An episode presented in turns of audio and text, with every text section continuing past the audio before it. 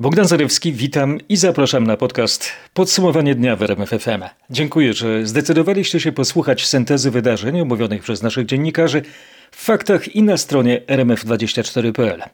To 21 grudnia, poniedziałek. Oto najważniejsze wydarzenia, najistotniejsze sprawy i najciekawsze wypowiedzi z ostatniej doby.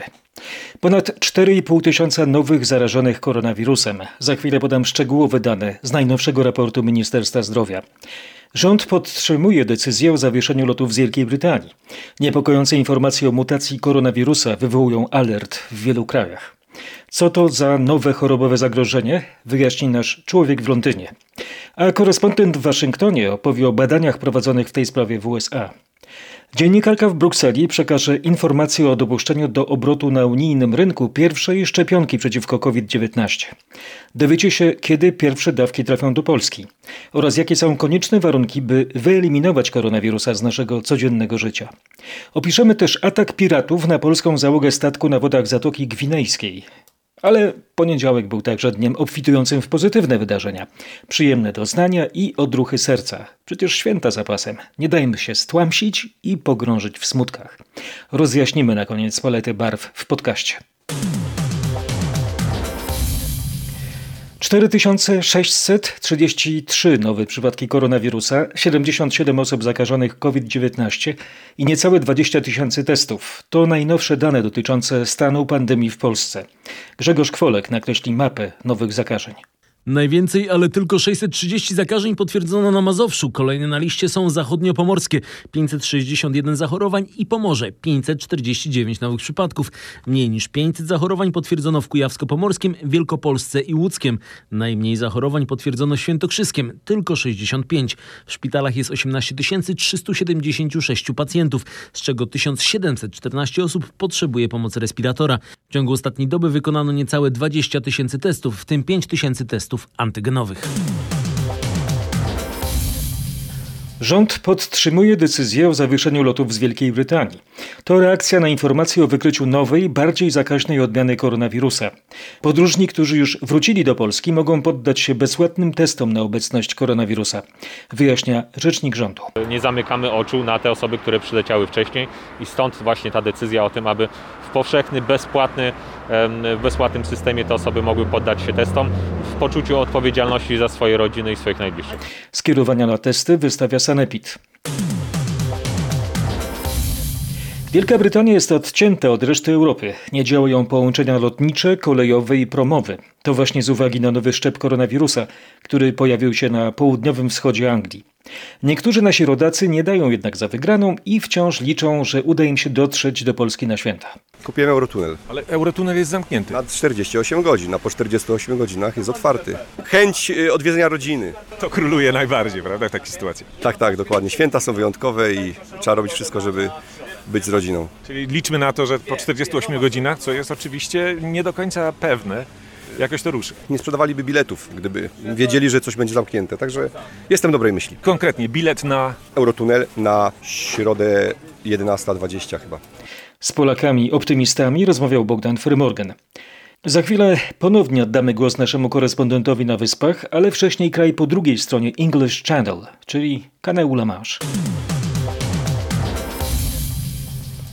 Władze w Paryżu opracowują plan ścisłej kontroli epidemicznej Francuzów mieszkających w Wielkiej Brytanii, którzy na świętach chcą wrócić do ojczyzny. W podsumowaniu dnia Marek Gładysz. Minister transportu Jean-Baptiste Djebari zapewnił, że francuski rząd nie zamierza zablokować rodaków Wielkiej Brytanii na święta. Wszyscy podróżni przybywający z wysp będą jednak musieli poddać się testom, by udowodnić, że nie są chorzy na COVID-19. Dodatkowo temperatura pasażerów może być sprawdzana po ich przybyciu do Francji. Rząd nie wyklucza też wysyłania w środę lub czwartek specjalnych samolotów do Wielkiej Brytanii Brytanii, by zabrać stamtąd tych rodaków, którzy nie będą mogli podróżować przez kanał La Manche dzisiaj i jutro z powodu 48-godzinnego wstrzymania kursowania samolotów, pociągów i statków.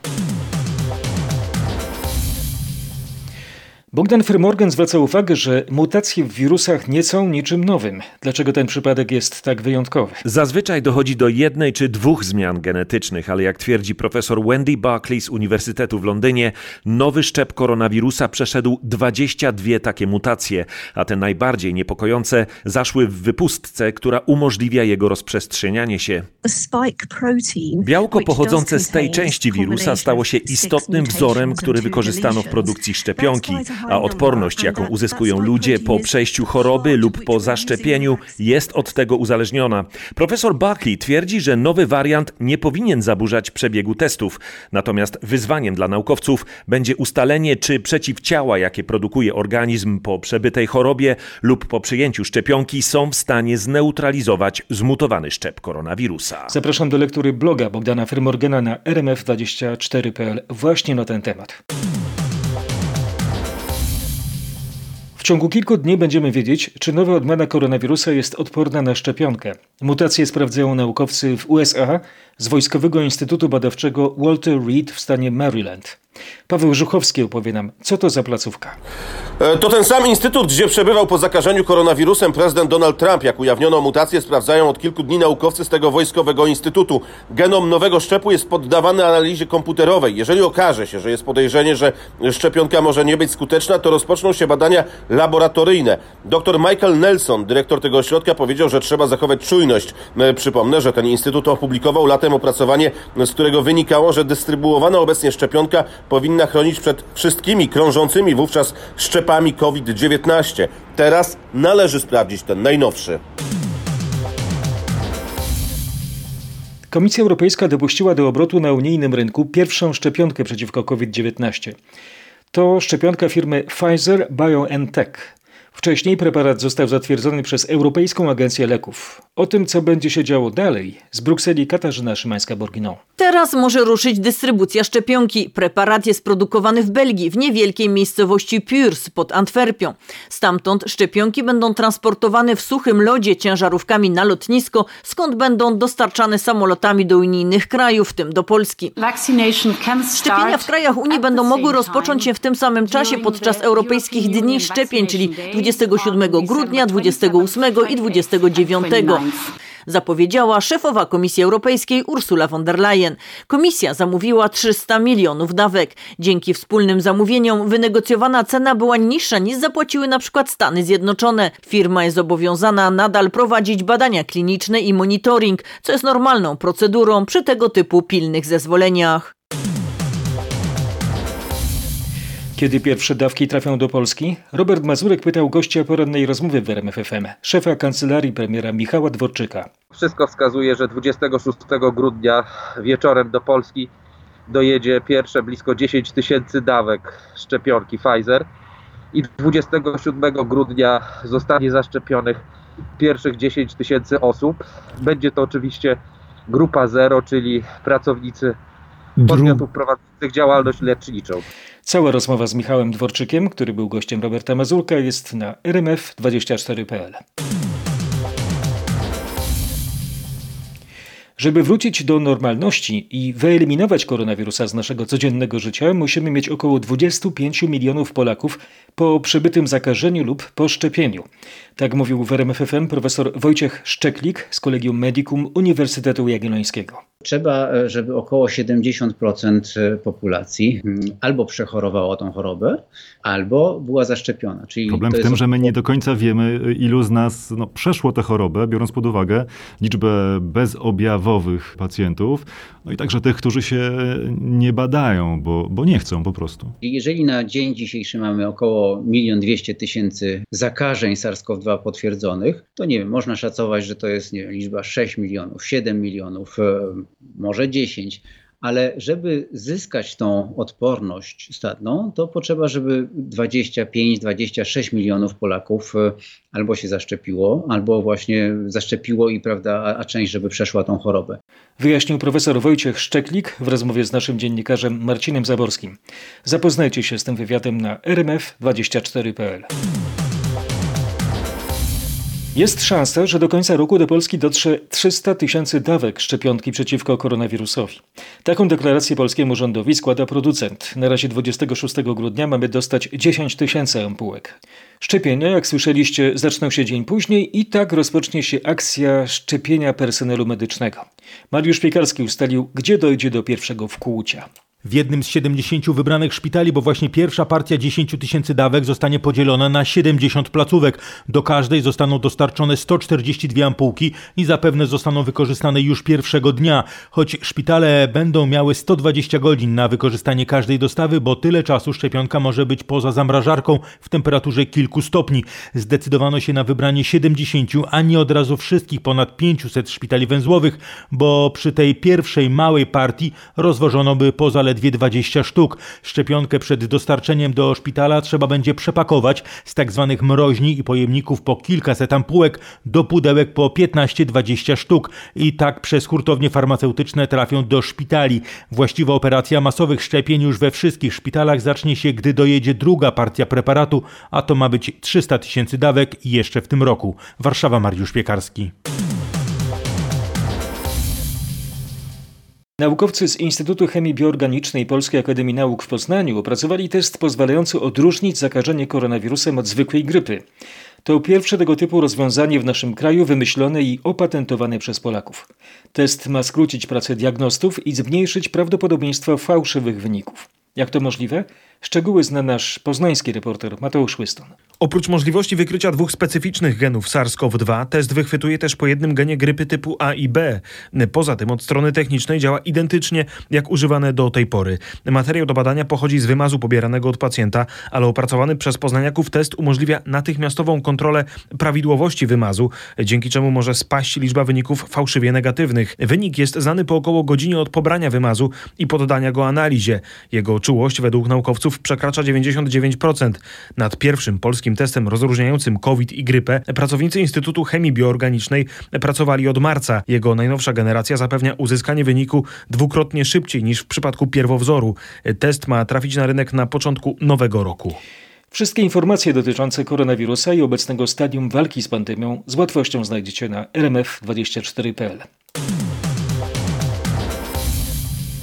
Nie można wprowadzić całkowitego zakazu przemieszczania się w Sylwestra rządowym rozporządzeniem, podkreśla Rzecznik Praw Obywatelskich Adam Bodnar. Byłoby to nieuprawnione ograniczenie wolności i praw obywatelskich i naruszenie konstytucji. Z troski o prawo, z troski o zaufanie obywateli do państwa i stanowionego prawa, postanowiłem wydać to oświadczenie, wskazując, że w ten sposób po prostu nie można robić, że tego typu pozbawianie nas praw i wolności obywatelskich, e, pozbawianie e, nas istoty tych praw e, i istoty wolności przemieszczania się na podstawie rozporządzeń nie powinno następować. Rzecznik dodał, że wspiera rząd w walce z pandemią, ale obostrzenia muszą być wprowadzane bez naruszania obowiązującego prawa. Prokurator generalny Zbigniew Ziobro skierował do marszałek Sejmu wniosek o uchylenie immunitetu posłance lewicy Joannie Szojring-Wielgus. Śledczy chcą postawić jej zarzuty złośliwego przeszkadzania publicznemu wykonywaniu aktu religijnego oraz obrażania uczuć religijnych. Chodzi o zdarzenia z 25 października, kiedy Szojring-Wielgus pojawiła się wraz z mężem w toruńskim kościele w ramach trwających protestów przeciwko zaostrzeniu przepisów aborcyjnych. W trakcie nabożeństwa do kościoła weszła posłanka Joanna Szojring-Wielgus ze swoim mężem. Podeszli pod ołtarz, po czym stojąc przodem do wiernych prezentowali proaborcyjne transparenty o treści Kobieto, sama umiesz decydować oraz kobiety powinny mieć prawo decydowania czy urodzić czy nie, a nie państwo w oparciu o ideologię katolicką. Następnie małżonkowie odwrócili się w stronę ołtarza i kapłanów, po czym wyszli z kościoła idąc nową główną. Tego samego dnia posłanka zamieściła w mediach społecznościowych wpis informujący o tym, że w kościele świętego Jakuba zostawiła wraz z mężem słowo na niedzielę, dodatkowo zilustrowany jej zdjęciem z wyżej wymienionymi transparentami. Informują śledczy i zaznaczają, że po incydencie do toruńskiej prokuratury wpłynęło szereg zawiadomień o przestępstwie. Zaczyny objęte zarzutami, które śledczy chcą postawić Joannie Scheuring-Wielgus, grozi do dwóch lat więzienia. W tym roku przeciętna rodzina planuje wydać na święta średnio 1318 zł. To 30% mniej niż przed rokiem. Tak wynika z dorocznego badania międzynarodowej firmy doradczej Deloitte.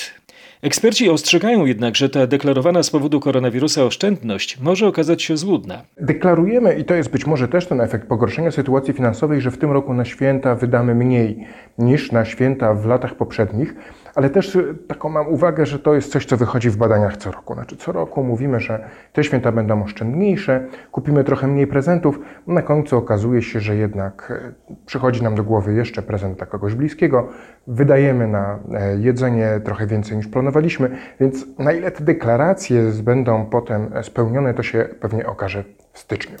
Przekonuje Witold Siekierzyński ze spółki e-Service. Jeśli zamierzamy przy świątecznym stole połączyć się wirtualnie z rodziną, pamiętajmy, aby uważać na podejrzane linki, np. do wideokonferencji. Mogą to być fałszywe wiadomości od cyberoszustów. Wysyłanie linka, który prowadzi nas do strony, która jest niebezpieczna, ale próbuje od nas, jest jednym z głównych narzędzi obecnie wykorzystywanych. My musimy po prostu sprawdzać, co otwieramy, czy to, co otwieramy, pochodzi od osoby, którą znamy. Ostatnio było takie popularne mechanizm oszust podszywający się pod sklep internetowy bądź pod kuriera wysyłał, że należy dopłacić dodatkową złotówkę, a później okazało się, że z konta znikało 10 tysięcy złotych. Musimy to weryfikować. Ostrzega specjalista z branży IT Paweł Harajda. Dramatyczne wydarzenia na wodach Zatoki Gwinejskiej. Zarządzony przez polskie linie oceaniczne pływający pod maltańską banderą statek MS Port Gdynia został zaatakowany przez piratów. Załoga tworzy 13 Polaków i 3 Ukraińców. Nikomu nic się nie stało. Kuba Kaługa. Do ataku doszło około 6 rano. Według naszych informacji piraci przez kilka godzin byli obecni na pokładzie statku. Jego załoga w porę dostrzegła, że wchodzą na pokład, zdołała zgodnie z procedurą schować się w tak zwanej cytadeli. Jak przekazał mi minister Marek Grubarczyk, piraci ostrzelali mostek kontenerowca. Uszkodzili także urządzenia nawigacyjne. Nie zdołali jednak przejąć kontroli nad jednostką i zrezygnowali. Sprawę wyjaśniają polskie służby dyplomatyczne, które są w kontakcie z władzami Nigerii. Sam statek dotarł już bezpiecznie do portu Bata w Gwinei Równikowej. Według naszych informatorów celem działania piratów było uprowadzenie załogi dla okupu. Według zagranicznych branżowych serwisów była to druga podobna próba ataku w tym rejonie w ostatnich dniach. We Wrocławiu trwa spór o drzewa. Mieszkańcy i działacze Komitetu Ratujmy Las Mokrzański chcą wstrzymania wycinki i konsultacji. W tym roku wycięto dwa hektary. Zdaniem nadleśnictwa wszystko odbywa się zgodnie z prawem, a las jest lasem gospodarczym. Mówicie gospodarczy jako na drewno, tak? Dla nas to jest krajobraz, dla nas to jest rekreacja. Człowiek się boi wejść do lasu, bo tu jeżdżą wielkie auta, bo piły pracują od rana do wieczora. Chodziłam po pięknym gaju dębowym, zbierałam z babcią grzyby. Nie ma śladu po tym gaju pięknym dębowym. Tylko wam o pieniądze chodzi. Nie ulegajcie takiemu złudzeniu, że tutaj w tym lesie można nic nie robić. Co jeżeli zaczną zamierać, usychać sosny? Chcecie, żeby te lasy były trwałe, żeby były odporne, to muszą być lasami mieszanymi.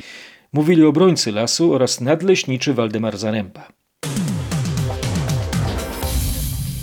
Piłkarska Ekstraklasa rozpoczęła zimowe ferie. Liga wróci 29 stycznia. Liderem rozgrywek jest Legia Warszawa. Patryk Senwański z redakcji sportowej RMFFM zwraca uwagę, że trudne powitanie z Ekstraklasą mieli Beniaminkowie.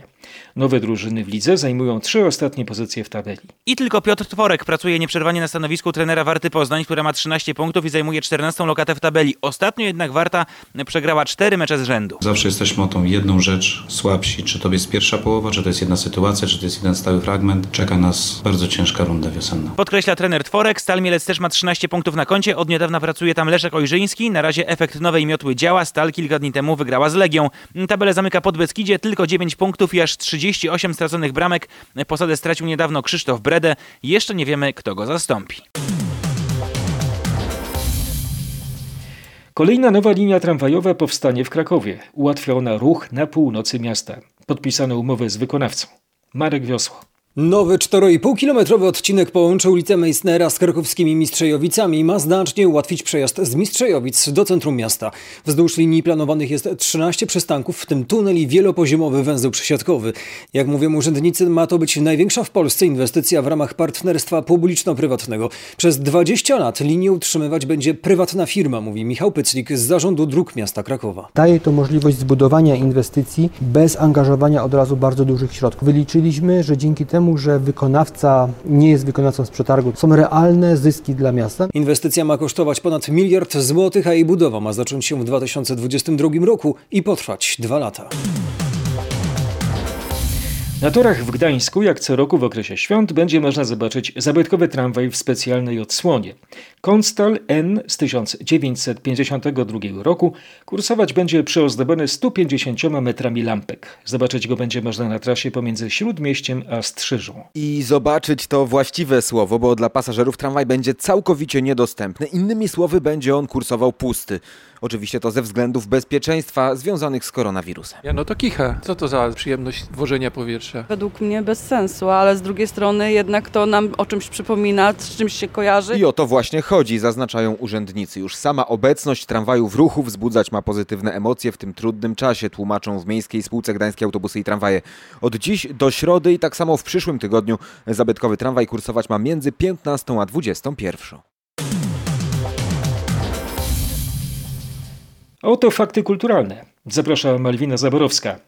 A zaczyna od kultowego komiksu, który ukazał się już w Polsce. Mowa o drugiej części bestsellerowego komiksu Tupeciary autorstwa francuskiej ilustratorki Penelope Bagiu. Komiks zawiera historię 15 kobiet, które wzięły los we własne ręce i zrewolucjonizowały światową naukę, społeczeństwo, sport, sztukę i muzykę. Książka jest e, świetnie napisana, a właściwie narysowana. Historie, które opowiada, często są tragiczne, ale dające nadzieję. A poza tym autorka stworzyła je z takim swoistym poczuciem humoru. Mówi Bogna Świątkowska z Fundacji Band Zmiana, która wydała komiks. Film Nomadland, uchodzący już teraz za głównego faworyta w nadchodzącym Oscarowym wyścigu, zdobywa kolejne nagrody filmowe. Obraz doceniło Bostońskie Stowarzyszenie Krytyków Filmowych. Produkcja otrzymała trzy wyróżnienia, w tym w głównej kategorii, czyli najlepszy film. Nomadland opowiada o kobiecie po 60, która traci dorobek życia i z dnia na dzień wyrusza w podróż przez Amerykę. W roli głównej laureatka dwóch Oscarów Frances McDormand. Bostońscy krytycy po dwie nagrody przyznali też filmom Może pora z tym skończyć, Ojciec i Minari. Dokładnie 95 lat temu odbył się pierwszy pokaz filmu Pancernik Potiomkin, uznawanego za najważniejszy, a na pewno przełomowy obraz w historii kinematografii. Pancernik Potiomkin w założeniu był filmem propagandowym, gloryfikującym bunt marynarzy przeciw carskiemu dowództwu. Doceniono jednak użyte przez reżysera środki wyrazu artystycznego. To z tego filmu pochodzi słynna scena pacyfikacji buntu na odeskich schodach, gdzie Siergiej Eisenstein zastosował nowatorski montaż ujęć. To były wydarzenia kulturalne w ujęciu Malwiny Zaborowskiej. A teraz inna kartka z kalendarza. Od poniedziałku mamy zimę astronomiczną. Przyszła niepostrzeżenie o 11.02, gdy słońce przeszło ze znaku strzelca w znak koziorożca. Astronomiczna zima jest to ten moment, kiedy następuje tak zwane przesilenie zimowe. Słońce w swej pozornej drodze na sferze niebieskiej, zmieniając swoją pozycję na tle gwiazd po takiej linii, którą rysuje, zwanej ekliptyką, jest najbardziej oddalone od równika niebieskiego. Na naszym niebie, na, na niebie na północnej półkuli objawia się to faktem, że w południe Słońce jest wtedy bardzo nisko. Najniżej jak tylko jest to y, możliwe. Tłumaczył dr Leszek Błaszkiewicz, astronom z Uniwersytetu Warmińsko-Mazurskiego w Olsztynie. Król Słońce nisko ku nam pochyla głowę, a teraz ciepło się zrobi na duszy.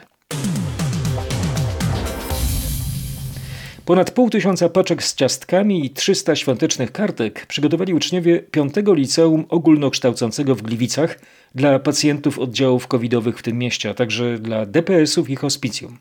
Ciastka, własnoręcznie robione przez młodzież, przywiozła do szpitala miejskiego nr 4 nauczycielka chemii Ewa Trybalska. Są i pierniki, i maślane ciasteczka, zdekorowane i niedekorowane. To jest wzruszające, ponieważ one są tak zapakowane, jakbyśmy pakowali dla jakiejś naprawdę bliskiej nam osoby. Takie gesty dodają wiary w ludzi i inaczej, lżej się pracuje, przyjemniej i pacjenci też się uśmiechają, jak dostają taką paczuszkę. Proszę w naszym imieniu wielkie całusy przekazać dzieciom. Całusy młodzieży przekazywała pielęgniarka z oddziału covidowego w szpitalu miejskim nr 4 Agnieszka Stróżewska. W pieczenie ciastek i robienie kartek zaangażowało się bagatelka 165 uczniów. Barwna choinka wyszywana na papierze. Przepiękna jest kartka świąteczna od naszej słuchaczki Angeliki. Zobaczcie sami na rmf24.pl w naszej galerii świątecznych pocztówek prosto z serca. Eksperta od Savoir Vivre Wojciecha Wocława zapytaliśmy, czy kartka powinna być wysłana w kopercie. Klasyczną kartkę pocztową, taką jak z wakacji, możemy oczywiście wysłać bez koperty. E, Taką składaną z kolei kartkę już e, nie. E, Jeśli jednak na pocztówce piszemy jakieś osobiste życzenie dla kogoś, to tak czy inaczej warto do koperty ją włożyć. Pamiętajmy przy tym, żeby na kopercie zapisać nie tylko adres odbiorcy, i to, robimy w tej prawej dolnej części koperty, ale też nadawcy. I to z kolei się robi w górnym lewym rogu koperty. Mówię o tym, bo niby to takie oczywiste, ale sam w dzieciństwie zawsze miałem z tym kłopot, a dzisiaj, kiedy już rzadko kiedy kartki wysyłamy, możemy o tym nie pamiętać. Pamiętajcie, zdjęcia zrobionych przez Was kartek umieszczajcie na rmf24.pl. Na autorów najciekawszych czekają niespodzianki. Żywe zwierzęta i figury autorstwa znanego rzeźbiarza Józefa Wilkonia można oglądać w bożonarodzeniowej szopce przy Pokamedulskim kościele na warszawskich Bielanach. Proboszcz parafii ksiądz Wojciech Drozdowicz opowiadał o niezwykłym klimacie, jaki poczuje każdy odwiedzający to miejsce w święta. To się wszystko ożywia. Nawet mamy taką maszynkę do wytwarzania śniegu. Jeśli ktoś chce w Warszawie zobaczyć prawdziwy śnieg, to niech przyjedzie na Bielany, ulica Dewaitis 3. Szopka góralska, nawet jak śniegu nie będzie, będą białe święta. Białe święta, choinki, zwierzaki, czyli ośliczka młoda Klara i kucyk Franciszek II, a w razie czego proboszcz też, składając Wam życzenia, drodzy słuchacze RMF-u, święta niech będą święte i dobre, na ile się uda w tym roku.